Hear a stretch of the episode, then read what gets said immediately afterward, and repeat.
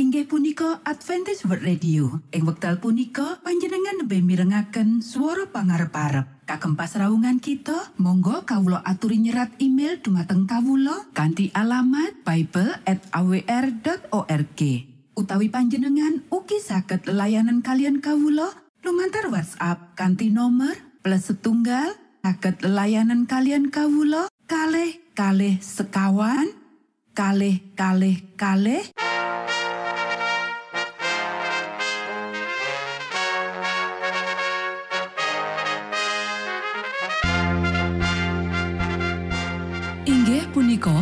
Adventist World Radio ingkang giaran kanthi basa Jawi. Tentrem Rahayu kula aturaken kagem para mitra kinasih ing pundi papan lan panggonan. Sugeng pepanggihan malih kalian Adventist World Radio. Kanti bingahing manah Kulo badhe sesarengan kalian para mitra kinasih lumantar saperangan adicara ingkang sampun rinonci mligi kagem panjenengan sami. Mugi giaran punika saged migunani tuwin dados berkah kagem kita sedaya. Sugeng midhangetaken Gusti amberkahi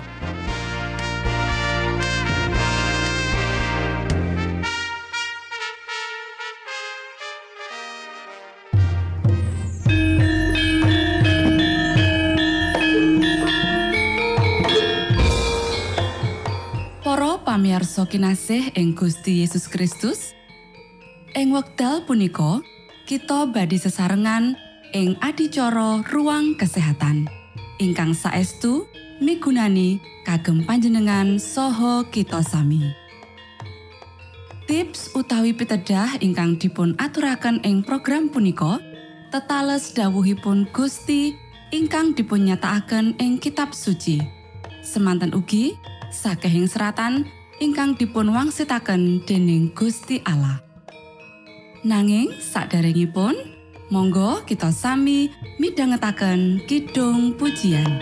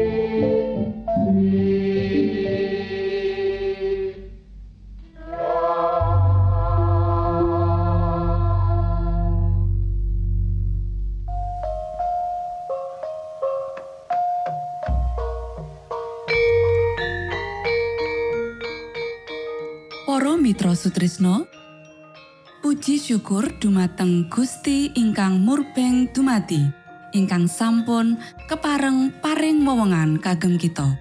Satemah saged nglajengaken ruang kesehatan. Pirembakan kita semangke kanthi irah-irahan. Sawangan sang juru wilujeng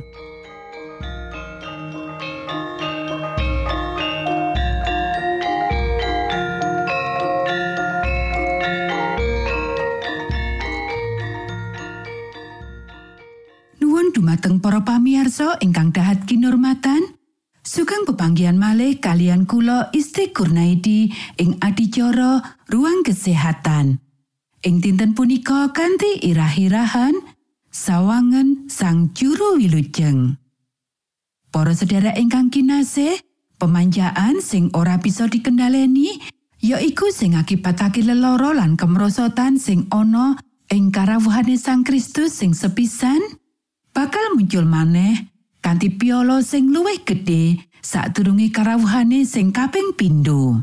Sang Kristus nyatakake menawa kahanan donya bakal dadi kaya kahanan sadurunge banjir bandang lan kaya Sodom lan Gomora. Saben angen-angening ati lan pikirane manungsa iku mung ala. Ing pungkasane wektu sing ngegirisi iku, sing saiki kita lagi urip. Mula ditandesake marang kita, poso juru wilujeng kuwi kudu diresepi. Mung kanthi kasangsaran sing ora kinira sing wis ditanggung Sang Kristus, kita bisa memahami piolo amarga pemajaan sing ora winates. Tulodo pagesangane nyatakake menawa siji-sijine pangarep-arep kita kanggo ngentuki urip langgeng ya iku mbudidaya ngendhaleni selera lan nepsu lan masrahke iku marang karsaning Gusti Allah. Para sederek, kanthi kekuatan kita dhewe, mokal kanggo kita kanggo nyingkiri tangisan alam sing wis dosa. Lumantar iki setan gawa panggodane marang kita. Sang Kristus pirsa menawa mungso bakal teka marang saben makhluk manungsa kanggo njupuk wewengan mungguh karingkihan sing diwarisake lan kanthi godane sing palsu bakal njiret kabeh wong sing ora percaya marang Gusti. Kanthi daerah-daerah sing kudu diliwati manungsa, Gusti Allah paring dalan kanggo gayuh kemenangan. Iki dudu kersane supaya kita kudu dipapanake ing sawijining papan sing ora nguntungake sakjroning peperangan nglawan setan. Panjenengane ora ngersakake kita supaya ditindes lan dikuciwakake dening serangane ula. Pangandikane, bungao, amarga aku wis ngalahake donya iki.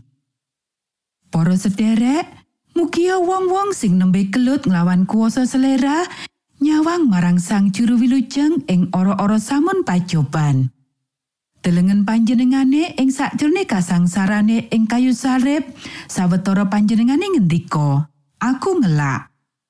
Panjenengane wis nanggung kabeh sing bisa ditanggung supaya kita bisa nanggung iku. Kamenangane ya iku tuweke kita. Para sederek, Gusti Yesus kumantung marang kawicaksanan lan kekuatan ramane ing swarga. Panjenengane nyatakake nanging Pangeran Allah banjur mitulungi ingsun, mulane ingsun ora kawirangan. Mulane ingsun nyatake panggalih ingsun kaya dene santosaning gunung parang, awit ingsun uninga menawa ora bakal kawirangan.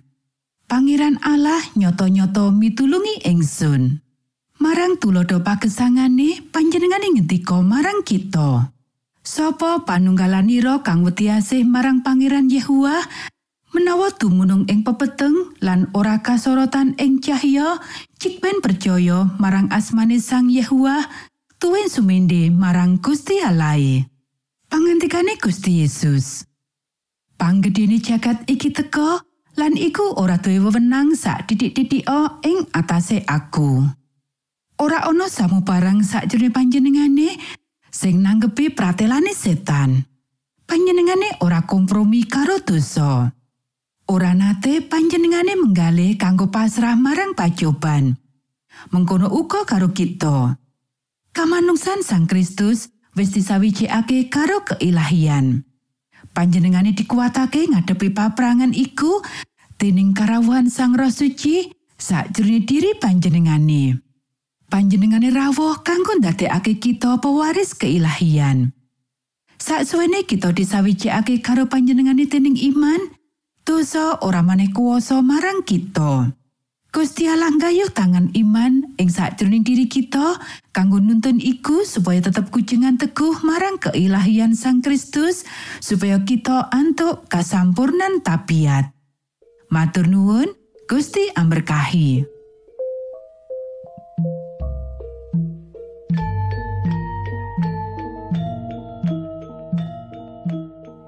Cekap semanten pimbakan ruang kesehatan ing episode dinten punika. Ugi sampun kuatos jalaran kita badhe pinanggih malih ing episode sak lajengipun.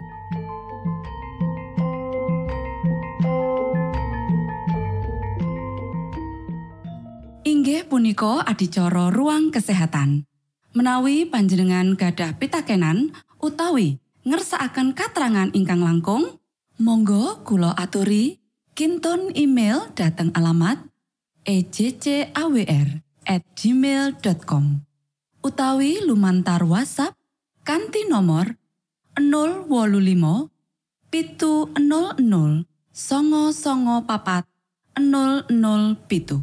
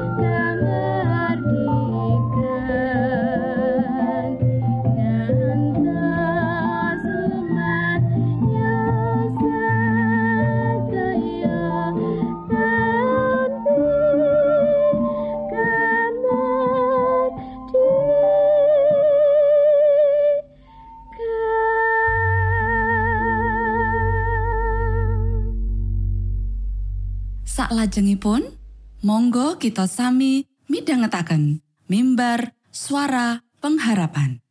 Angkat nafiri kanti pawarto Sang Kristus paderamu. Pro umat samyo puji asmanyo Sang Kristus paderamu. Inggih punika mimbar suara pengharapan. Ing episode punika kanthi irah-irahan. Ojo nganti wong mursid kena godha. sugeng midhangetaken. Sang Kristus paderamu ilmu kawero tambah lan tambah. Sang Kristus paderamu paderamu paderamu Sang Kristus paderamu Shalom para sedherek ingkang kinasih wonten ing Gusti. Sakmenika kita badhe mitangetaken renungan Sabtu pangantikanipun Gusti. Ing dinten punika kanthi irah-irahan Ojo nganti wong mursid kena godha. Para sedherek ingkang kinasih, ayo diwaca Kitab Zabur pasal 73 ayat 1 nganti rolas. Mazmur anggitane Asaf. Satemene Gusti Allah iku becik tumrap para wong kang mulus atine lan kang resik atine. Nanging aku kurang sedidik bae sikilku kepleset. Aku meh kepleset. Amarga panas atiku marang para wong kang gumunggung. Menawa aku meruhi kabegjane wong duraka. Awit iku ora padha nandang loro. Awake waras lan lemu. ora padha ngrasakake susahing manungsa lan ora padha kena ing bebendu kaya wong liyane. Mulane padha akalung piangko, tuen panganggone arupa panganiaya. Amarga saka lemune kaluputane katon ngeklo. Atine mbludak ing pandakwa. Padha nyemoni lan muni-muni kanthi patrap kang ala. Bab panganiaya padha dirembuk kalawan gumunggung. Padha ngangapake cangkeme nglawan marang langit. lan ilate ngumukake awake ana ing bumi. Marga saka iku wong padha bali marani dheweke kabeh. Katone kaya banyu kang kimplah-kimplah. Sarta pangucape. Kapriye Gusti Allah anggone mirsa bab iku? Apa kang maha luhur iku katunungan kawruh? Lah kaya mangkono iku kaanane para wong duraka. Padha golek undhaking barang darpeke sarta seneng-seneng ing salawase. Para sedherek ingkang kinasih, perjuangan opo sing diadepi para juru Mazmur? Mazmur-mazmur iki nangisi kamakmuran wong duraka lan tantangan kasunyatan iki kanggo wong mursid. Wong duraka ora mung makmur nanging kadang kala kanthi cetha sengit marang Gusti Allah lan nindes wong liya. Babagan kang bingungake ya iku nalika tekene wong duraka Mazmur pasal 1 ayat telu nguasani jagat. Tekene kabeneran, Mazmur pasal petang limo ayat 6 katon gagal. Banjur, opo ora nyerah lan ngrangkul piolo kaya wong liya? Para sederek, sawetara para juru Mazmur ing sabur pasal pitung telu tetep ngener marang piolo sing kedadian ing jagat iki. Sang juru Mazmur ora bisa nyawang gambaran gedhe saka paningale Gusti Allah. Masalah kang tuwa dening kemakmuran saka piolo menggahing pangandele gede banget. Sang juru Mazmur uga percaya yen pratilane babakan ora ana gunane iman adhedhasar kasunyatan. Ananging, Sabur pasal pitung puluh telu nuduhake menawa sakabe iki moyoki wong-wong kang lirwakake surasane ayat kang sepisan saka sabur iki. Kang minangka ringkesane saka sakabehing kitab sabur. Satemene Gusti Allah iku becik tumrap para wong kang mulus atine lan kang resik atine. Para sederek, para juru Mazmur digawa ing pedalaman suci, pedalaman Gusti Allah kang Maha Kuwasa. Lan padha dielingake ing kono menawa dina iki mung perangan saka musaik. Lan para juru Mazmur kudu mikirake perangan pungkasan. nalika wong turaka bakal ngadepi pangadilane Gusti Allah. Kasunyatan menawa para juru Mazmur mangerteni bab kabeneran iki ing pataleman suci lan ngakoni kabeh kabodohane sakdurunge nuduhake menawa kasunyatan mung bisa dimangerteni kanthi wawasan spiritual lan dudu logika menungso. Monggo kita sami ndedonga. Duh Rama kawula ingkang wonten ing swarga, asma patuko mugi kasucikaken. Kraton patuko mugi rawuh. Karsa patuko mugi kalampahan wonten ing bumi, kados dene wonten ing swarga. Kawula mugi kaparingan rejeki kawula sak cekapipun ing dinten punika. So patuko mugi ngapunten kalepatan kawula, kados dene kawula inggih ngapunteni tetiang ingkang kalepatan dhateng kawula. Punapa dene kawula mugi sampun ngantos katantukaken dhateng ing panggoda nanging mugi sami patuko uwalaken saking piawon. Awit dene patuko ingkang kagungan kraton saha wisesa tuen kamulyan salami laminipun. Amin.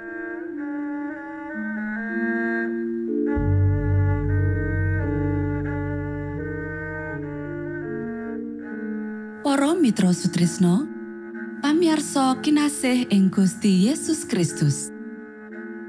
Sampun paripurno pasamuan kita ing dinten punika. Menawi panjenengan gadah pitakenan utawi ngersaakan seri pelajaran Alkitab suara nubuatan Monggo Kulo aturi kinton email dateng alamat ejcawr at gmail.com utawi lumantar WhatsApp kanti nomor 025 pitu 00 songo songo papat 00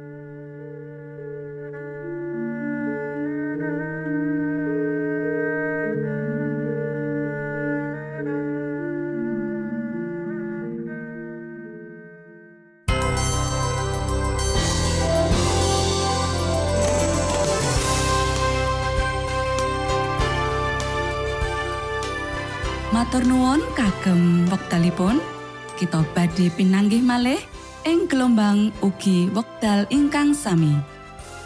Saking studio kula ngaturaken tentrem rahayu.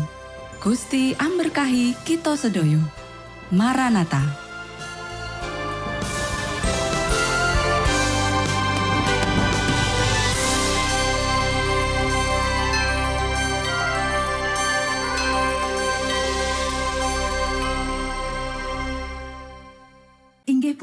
Adventist World Radio. Ing wekdal punika panjenengan lebih mirengaken swara pangarep-arep. Kagem pasraungan kita, monggo kawula aturi nyerat email dumateng kawula kanthi alamat bible@awr.org.